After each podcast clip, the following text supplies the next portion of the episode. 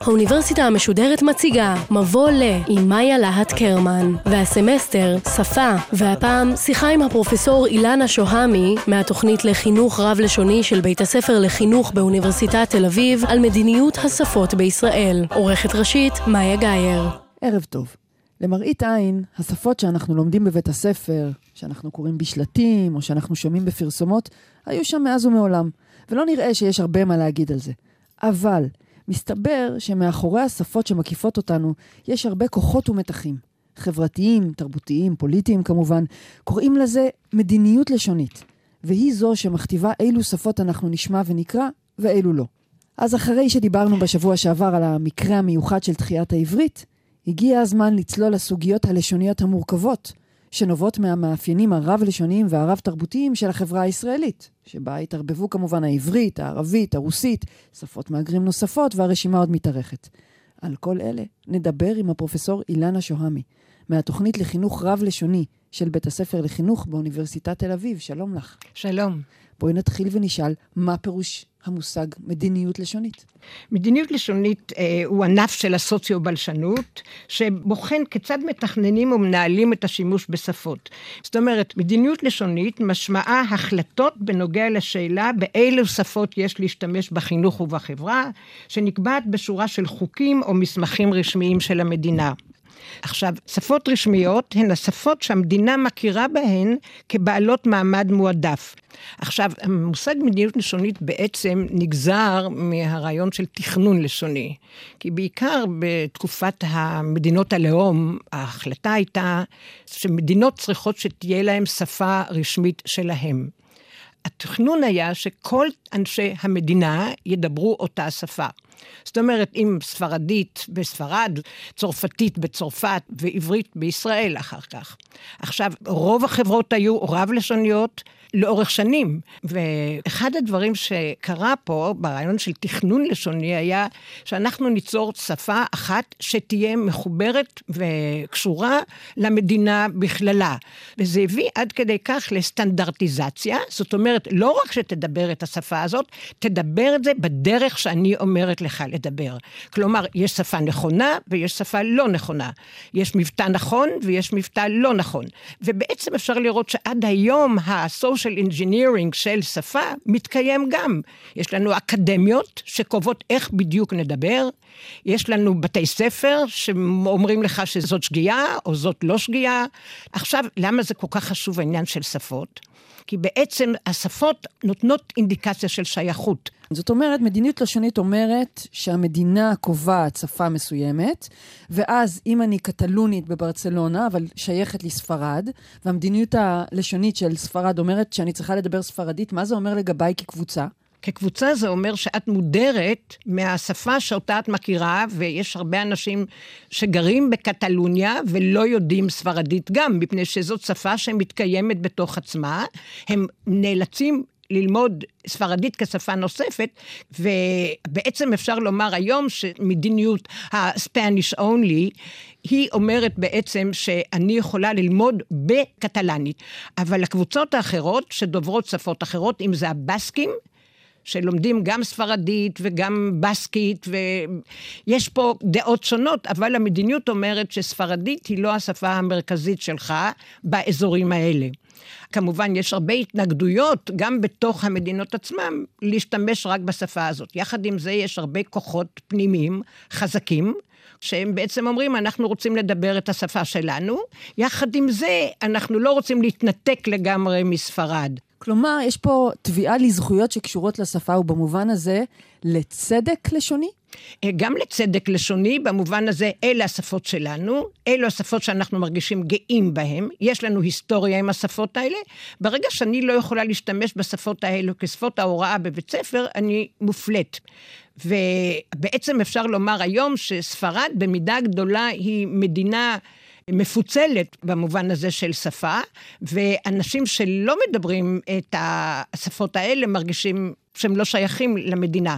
ואם נחזור לישראל, אז אנחנו מבינים שגם במגילת העצמאות הייתה התייחסות לעניין הזה באיזשהו אופן של צדק לשוני. הנה, כתוב שם שמדינת ישראל תבטיח חופש דת, מצפון, לשון, חינוך ותרבות. זאת אומרת, העניין של זכויות לשוניות כבר נמצא בחוקי היסוד או במהות של מדינת ישראל. איך זה מתבטא באמת? נכון. עכשיו, אני אגיד אולי שזה מתבטא בכך שאין היום חופש לשוני, בסך הכל השפה העברית לטוב ולרע, היא נכפתה על האנשים. ובן גוריון היה מאוד מודע לזה. הלוא הוא בעצמו בעצם דיבר יידיש, אנחנו יודעים בשנים הראשונות, והוא היה אחד הפנאטים נגד השימוש בשפות אחרות, למרות שזה מצוין פה במגילת העצמאות. זאת אומרת, השאלה שעולה זה מה זה בדיוק חופש לשוני. האם חופש לשוני, וזה מתחבר תכף לצדק לשוני, אומר שאתה יכול לדבר את השפה בבית, אבל לא במרחב, לא בבתי ספר, או צדק לשוני זה אומר, אני יכולה לתת לך את הזכות גם ללמוד בשפה הזאת, להשתמש בשפה הזאת, ושגם האחרים בחברה ילמדו את השפות האלה. האחרים הללו, אילו זכויות לשוניות יש להן? מהן בעצם זכויות לשוניות? זכויות לשוניות זה היכולת להשתמש, למשל בבתי ספר, מגיע אליי נניח תלמיד ערבי בכיתה באוניברסיטה, האוניברסיטה כולה מלמדת אך ורק בעברית, אין אוניברסיטאות בישראל בכלל שמלמדות דרך השפה הערבית. זה אומר שכשהוא נבחן במבחן בסטטיסטיקה, והסטטיסטיקה בעברית היא לא בדיוק החומר שהוא למד כשהוא למד בבית ספר, כי בעצם לערבים יש את הזכות ללמוד בערבית, אבל כשהוא מגיע לשיעור שלי באוניברסיטת תל אביב, הכל מתנהל בעברית. לתלמידים הדוברי עברית היהודים זאת שפה ראשונה, נולדו לשפה הזאת, חיו בשפה הזאת. לתלמידים הערבים זאת שפה זרה, ואני יכולה לראות בפירוש כמה קשה להם לעקוב אחרי השיח שלי, מפני שפתאום ממצב של יש ערבית בבתי ספר ערבים, בשיעורים שלי באוניברסיטה, זה מקשה עליהם את ההבנה שלא לדבר על הבחינות. פרופסור שועמי, עברנו פה על כמה וכמה דוגמאות, ובואי נסביר עכשיו בעצם מה עומד מאחורי זה. מה מרכיב מדיניות לשונית? יש הרבה הגדרות למה זו מדיניות לשונית. הרעיון של מדיניות לשונית הוא היום קיבל משמעות הרבה יותר רחבה ומורכבת, כי פעם דובר על תכנון לשוני, שבעצם פה מדובר על language engineering, הינדוס לשוני, שכולם ידברו אותה שפה, וזאת תהיה השפה הסטנדרטית, ולא תהיה שום סטייה מהשפה הזאת. זאת אומרת, יש דרך אחת לדבר שפה, והיא הדרך, בדרך כלל, שהאליטה מחליטה עליה. התפיסה הייתה שכולם צריכים לדבר אותה שפה, באותה רמת נכונות, באותו דיוק. אם את חושבת מה זה איטלקית היום, איטלקית זה השפה של טוסקנה, ובעצם באזורים אחרים באיטליה, שהיו ערי לאום, אפשר לקרוא להם, דיברו כל אחד בניב שונה, בלקסיקון שונה. אבל כשהחליטו להכניס את האיטלקית של טוסקנה למדינה כולה, החליטו זאת תהיה השפה הסטנדרטית. ובעצם אפשר לדבר שיש שפה סטנדרטית עד היום. באקדמיות ללשון, שקובעות בדיוק איך צריך לדבר. עכשיו, זאת בעצם האידיאולוגיה, ואפשר לחזור כאן למרכיבים של מדיניות לשונית. כי במרכיבי המדיניות הלשונית יש דבר אחד שנקרא אידיאולוגיה, זאת אומרת, איך אנחנו רוצים שאנשים ידברו? למשל, בישראל, האידיאולוגיה של התנועה הציונית, הרעיון היה שידברו פה עברית, וגם זה חשוב להסביר, שגם עברית זה לא היה דבר לגמרי מובן מאליו, הוויכוח היה בין עברית לבין יידיש. ובעצם על חודו של קול החליטו ללכת על העברית, שזו הייתה החלטה כנראה צודקת, כי יותר שוויונית, כי הרבה אנשים לא דיברו עברית. כאילו היו בוחרים יידיש, הייתה פה איזו אפליה. על כל פנים, האידיאולוגיה, וזה המרכיב המרכזי של מדיניות לשונית היום, היא עדיין קשורה לתכנון הלשוני. זאת אומרת, אנחנו רוצים שיהיה משהו, יש לנו חלומות שהעברית תהיה השפה המרכזית, ועברית בצורה מסוימת, ואנחנו זוכרים עוד מהבית ספר את הדברים של ודייק, ככה צריך לדבר. עכשיו, זה המרכיב הראשון, האידיאולוגיה של שפה. בישראל העברית היא השפה האידיאלית ברמה של האידיאולוגיה של בליף, של אמונות. ושפות יהודיות לא מוזכרות בכלל. בנוסף לזה יש חלקים אחרים. למשל, חלק אחד זה מה באמת קורה בשטח. אתה יכול לקבוע איזה אידיאולוגיה שאתה לא רוצה, אתה יכול לקבוע מדיניות מסוימת, אבל אנשים לא ידברו אותה דווקא. נניח בגרמניה, שכולם צריכים לדבר גרמנית, או באירופה, מזרח אירופה, שידברו פולנית כשפה הלאומית. אבל הרבה אנשים לא דיברו, הם המשיכו לדבר יידיש, כמו בהרבה מקומות אחרים. אני רואה אצלי בבית, למרות שזה היה עברית, עברית, הסבתא שלי המשיכה לדבר יידיש עד יום מותה. זאת אומרת, העניין של מה באמת קורה בשטח, זה אחד המרכיבים האחרים של מדיניות לשונית. ואז יש לנו אידיאולוגיה לשונית, מה המנהיגים רוצים מצד אחד, מצד שני, מה באמת קורה בשטח. הפרקטיקה. הפרקטיקה, והפרקטיקה לא תמיד עוקבת אחרי האידיאולוגיה. נכון שיש הרבה אנשים שכן רוכשים את השפה, אבל ברור היה שברוב הבתים וברוב הקהילות המשיכו לדבר שפות אחרות, במיוחד השפות מארצות המוצא. אז יש לנו אידיאולוגיה ויש פרקטיס, והיום בתוך מדיניות לשונית אומר פרופסור ספולסקי וגם אני בספר שכתבנו על The Languages of Israel, Ideology, Policy ו-Practice, שם אנחנו מדברים על הפער הזה בין מה צריך להיות לבין מה קורה באמת. עכשיו, בתוך זה, הקומפוננטה השלישית היא הניהול. בואו ננהל את זה ככה, שאנחנו יכולים לתת מדיניות למשל רב-לשונית.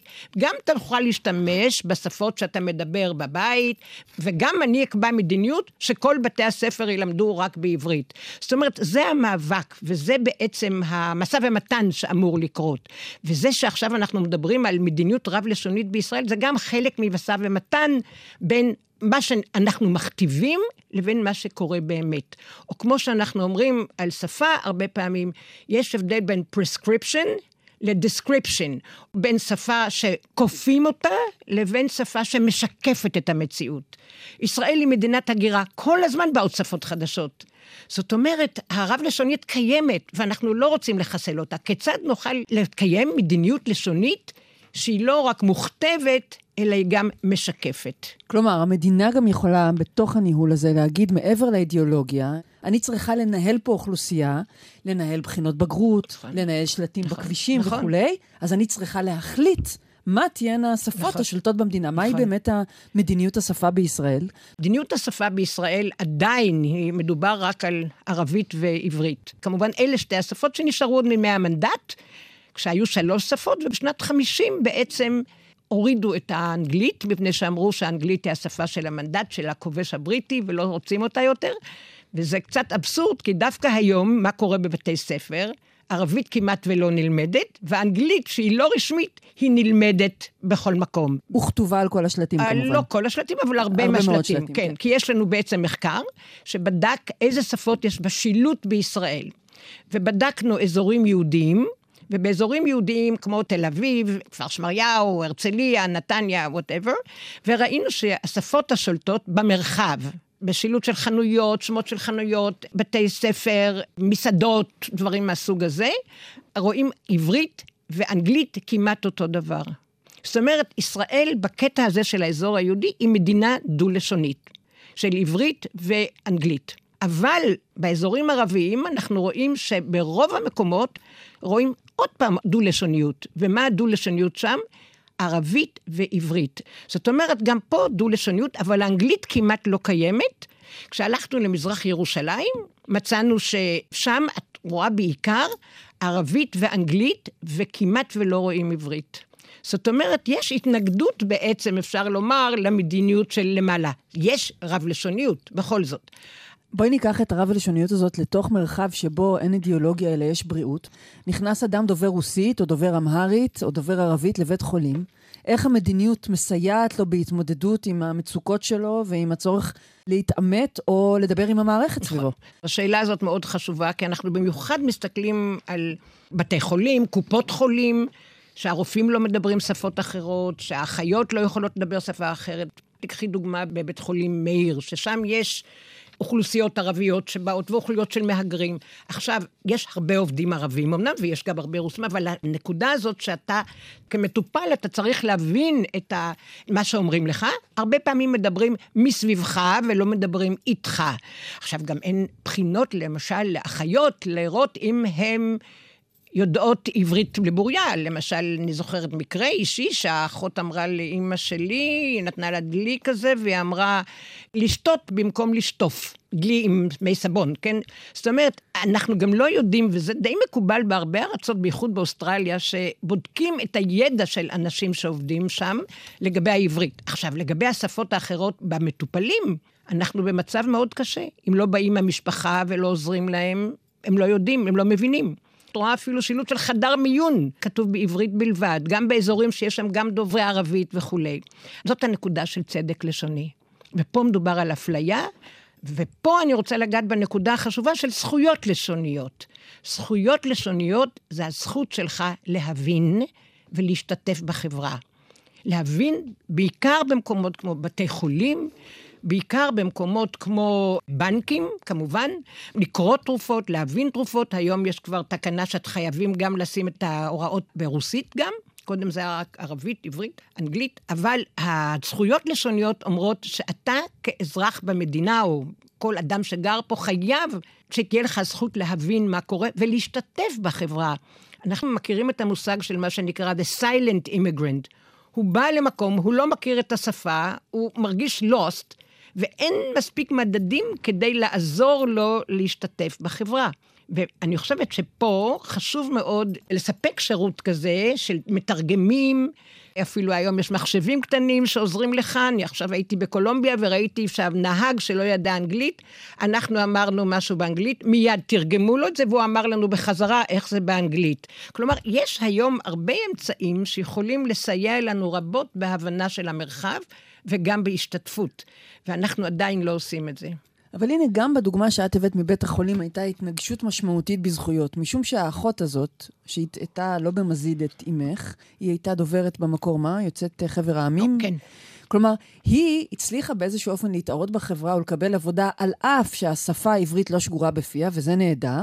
מצד שני, היא מגיעה לבית החולים, כאשר העברית לא מספיק טובה, ובכך אולי נכון, מכשילה נכון, חולים אחרים, נכון, ופה יש התנגשות. נכון, נכון. אנחנו לא מדברים רק להבין את השפה של המהגר, אנחנו גם מבינים את השפה של המטופל. אנחנו מדברים גם על אנשים שהם במקצועות מסוימים, שלפחות צריכה להיות איזושהי הבנה שיש... מילים בסיסיות בתחום שחייבים להבין על מנת לעבוד בבית חולים או במקום אחר. ובמובן הזה, מערכת החינוך היא הכלי המרכזי להטמעת מדיניות לשונית בעינייך? אני חושבת, ופה חשוב מאוד להבחין בין מה שנקרא מדיניות לשונית חינוכית, כפי שהזכרתי לך קודם, שאנחנו רוצים שיהיו מספר שפות בבתי ספר, וגם מספר שפות אפילו בשיעור.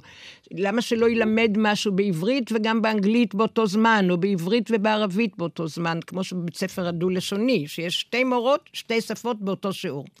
אבל מדיניות לשונית חינוכית מדברת באופן ספציפי על איזה שפות, או כמה שפות, צריך תלמיד בבית ספר לדעת בסיום בית הספר. חלק מהם הוא יכול לבחור, חלק לא, למשל אנגלית ועברית ואולי גם ערבית צריכות להיות מין שפות חובה. שפות האחרות, אנחנו רוצים שיהיו מספר רב של שפות, להגדיל את הרפרטואר הלשוני של ישראל. אתם לא רוצים שכולם ידעו אותן שפות. חשוב שיהיה לנו קאדר של אנשים שיודע סינית וקוריאנית וספרדית ושפות אחרות. ובמיוחד זה מעניין כי גם אנשים שבאים נניח מארגנטינה, שנאבדה השפה הספרדית בקרב ארגנטינאים שבאו לארץ, חבל. הם בעצם אנשים שיכלו לשמר את השפות במשך השנים. בית הספר היה צריך לתת להם עזרה בעניין, כמו שנותנים לדוברי אנגלית, דרך אגב, ולפחות היה לנו קאדר של אנשים יותר גדול שיודע ספרדית. אנחנו מדברות על קוריאנית וסינית ואפילו ספרדית, אבל אנחנו חייבות לגעת בערבית, שהיא פה שפה כן. של חמישית מאוכלוסיית כן. המדינה. ושאר ארבע החמישיות לא באמת יודעות אותה. נכון. אני חושבת שערבית זה מאוד מאוד חשוב, ואני חושבת שהיא צריכה להיות לפני שפות הבחירה האחרות, כמו שעברית, שפה ראשונה, אחר כך אנגלית ואחר כך ערבית. ואת שאלת קודם, מי הם הכוחות האחרים? אנחנו, יש לנו קבוצה די גדולה של אנשים שעוסקים במדיניות לשונית. ואנחנו, יש לנו הרבה משא ומתן עם משרד החינוך, עם המדען הראשי, לכיוון הזה. זאת אומרת, שיהיה יותר ערבית, שיהיה בבתי ספר, שזה יהיה יותר חובה, שיהיה מדוברת או ספרותית. כמובן שהנושאים האלו עולים מאוד. גם במגזר הערבי אנחנו רואים תלמידים שאנחנו רוצים שהם ילמדו גם עברית ברמה טובה, ובכל זאת הם מגיעים לאוניברסיטה, וכפי שאמרתי קודם, יש להם עדיין בעיות עם הנושא של העברית. כי עברית אקדמית היא לא פשוטה. עכשיו, לא לשכוח פה את העניין הזה של המהגרים. החברה הישראלית דורשת מהם ידע בעברית הרבה יותר מהר ממה שהם יכולים לרכוש. וזה מתחבר למחקר אחר שעשינו עבור משרד החינוך. שבו אנחנו בדקנו כמה שנים לוקח למהגרים מרוסיה ולמהגרים מאתיופיה לרכוש את העברית האקדמית כדי שיוכלו לתפקד בבתי ספר. זה מעניין דווקא עם אנשים שהם מחבר העמים, שהם באים עם רמה אקדמית מאוד גבוהה, ומצאנו שלוקח להם מתשע עד 11 שנים לרכוש את העברית בצורה שהם יכולים לתפקד כמו התלמידים הרגילים. עכשיו, במתמטיקה, שהם באים עם ידע מאוד גבוה מארצות חבר העמים, העניין שהם לא יודעים את העברית, מחבל ביכולת שלהם להתקדם גם במתמטיקה. כי בסך הכל, בתשע עד 11 שנים האלה, לומדים חומר חדש, והם כל הזמן ברמה של חסר, ועם השנים הופכים מתלמידים מאוד טובים בארצות חבר העמים, הרבה פעמים לתלמידים פחות טובים בישראל בגלל השפה. כמובן שאנחנו לא מדברות כאן רק על הקושי שלהם להבין, כמו גם על התפיסה שלהם בעיני הסביבה, שאולי הם פחות נבונים, נכון, אולי הם פחות uh, חשוב, כן. מבינים עניין, נכון. כאשר העניין הוא שפתי בלבד, נכון? נכון? זאת נקודה מאוד חשובה שהעלית, וזה שאנחנו הרבה פעמים מסתכלים על אדם שלא יודע את השפה, כאילו אדם לא אינטליגנט. ואנחנו כולנו מכירים את זה, איך אנחנו נשמעים בשפות שאנחנו לא מכירים, ולא יכולים להביע את עצמנו בצורה מקסימלית. ודואגים, תגיד, מה הוא חושב עליי, או מה היא חושבת עליי שאני לא מסוגלת להיות מדויקת, או להרחיב את הדעות שאני שלי. שאני עילגת. שאני עילגת, כן. בדיוק. כן. עכשיו, עם האתיופים, זה כמובן סיפור בפני עצמו, אבל זה לוקח הרבה יותר שנים, והדור הראשון לעולם לא מגיע להישגים כמו של הדוברים. את מעלה פה סוגיות ובעיות קשות, והשאלה היא, אם בכלל אפשר לפתור אותן. אפשר להגיד שהיו מספר ועדות אה, במשך השנים. ב-96 הוקמה ועדה, בעקבות יוזמה שלי ושל פרופסור ספולסקי, לשנות את המדיניות, והוחלט באמת לחשוב על מדיניות רב-לשונית בישראל. ופרופסור ספולסקי ואנוכי התבקשנו לכתוב מדיניות כזאת, והעלינו מדיניות שנקראת שלוש פלוס, שאומר שילד דובר עברית ילמד גם אה, אנגלית, ערבית, ושפה נוספת, זה הפלוס. וילד שהוא תלמיד ערבי ילמד ערבית, שני הסוגים של הערבית, ערבית מדוברת וערבית ספרותית, ועברית ואנגלית. ואכן היום אנחנו יודעים שבעצם שלוש שפות האלו נלמדות במגזר הערבי. במגזר היהודי בזמנו כמעט לא הייתה שפה שלישית. היום אחוז גדול מהתלמידים אכן לומדים שפה שלישית, חוץ מהעברית והאנגלית ילמדו שפה נוספת, אנחנו מקווים שזה יהיה ערבית, והפלוס אומר שפות קהילה, שפות עולם כמו נניח סינית, יפנית, יש דרישה גדולה מאוד לספרדית וגם לסינית כיום, וגם שפות אחרות כמו שפות קהילה, כמו רוסים שרוצים לשמר את הרוסית. יש הרבה תלמידים עם מוטיבציה מאוד חזקה לשמר שפות יהודיות, כי בעצם החייאת העברית חיסלה, אפשר להגיד, גם את השפות היהודיות. היום יידיש מדברים רק בירושלים, אנשים שהם חרדים, אבל לא מדברים את השפה הזאת כמעט בכלל.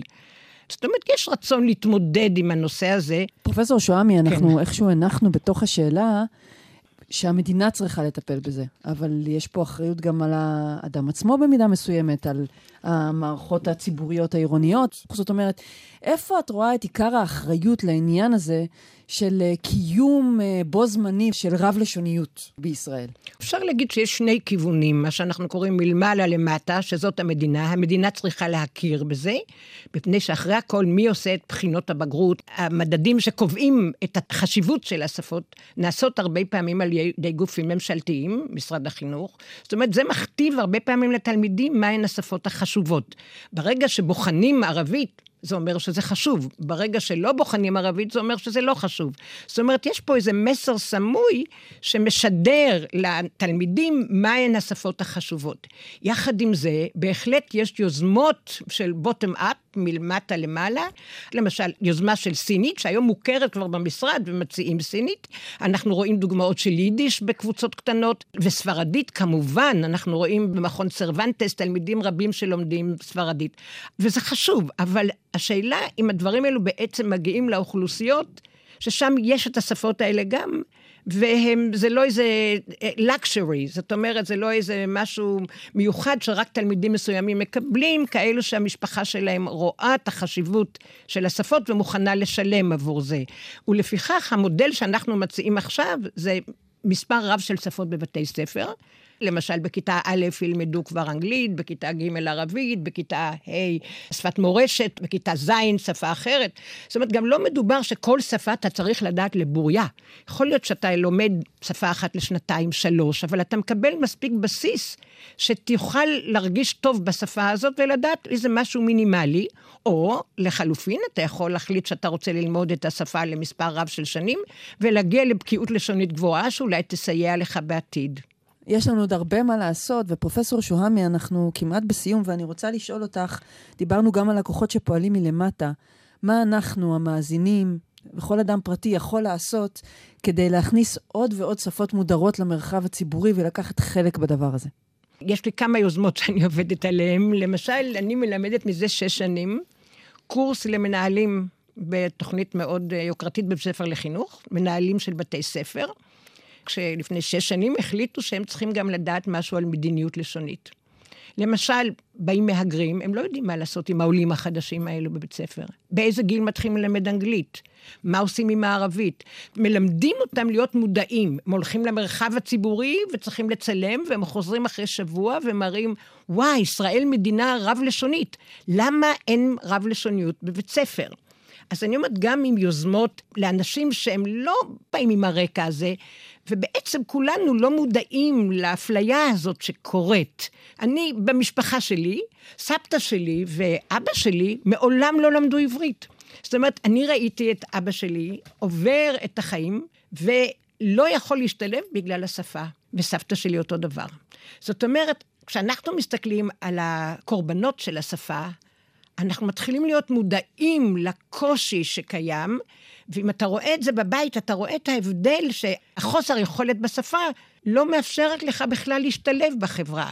עכשיו, עצם המודעות למנהלים כאלו של בתי ספר, גם בקורסים אחרים שאני מלמדת, תעקוב אחרי כמה תלמידים בבית ספר, תראה מה הקשיים שלהם, תנסח מדיניות לבית הספר שלך, איך לטפל בילדים האלה. עכשיו, דרך אחת שהיא מאוד חשובה לדעתי, זה מה שנקרא רב-לשוניות בבית ספר. למשל, במבחנים. אנחנו מצאנו באותו מחקר על 9 עד 11 שנים, שתלמידים שנתנו להם את המבחן במתמטיקה בשתי שפות, בעברית וברוסית. הוא קיבל ציונים הרבה יותר גבוהים במתמטיקה. כי ילד שהוא מהגר ממשיך לתפקד ברוסית תוך כדי שהוא לומד את העברית. זאת אומרת, אדם דו-לשוני, הוא לא משאיר את השפה שלו בבית. הוא ממשיך לתפקד ולהשתמש בשפה, ולכן יש מושג חדש כיום במדיניות לשונית בבתי ספר, full language repertoire, הרפרטואר המלא. זאת אומרת, אני מודדת מה יודע הילד הערבי, הוא יודע עברית, אנגלית, ערבית. נכון שלא כולם יש להם אותו מעמד בישראל, אבל הוא יודע שלוש שפות. זה הרפרטואר, הוא מאוד גבוה. הילד הטיפוסי היהודי יודע עברית ואנגלית אולי. אז ההגדרה הזאת שלא רק מה אני יודע בשפה, מהו סך הכל הידע שלי בשפות, הוא מאוד חשוב.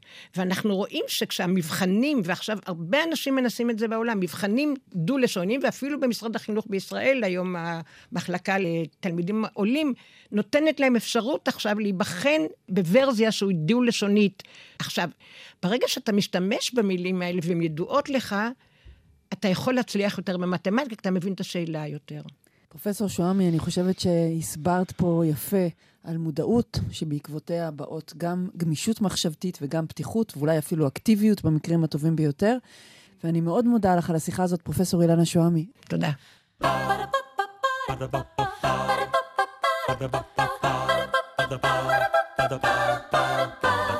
האוניברסיטה המשודרת מבוא ל.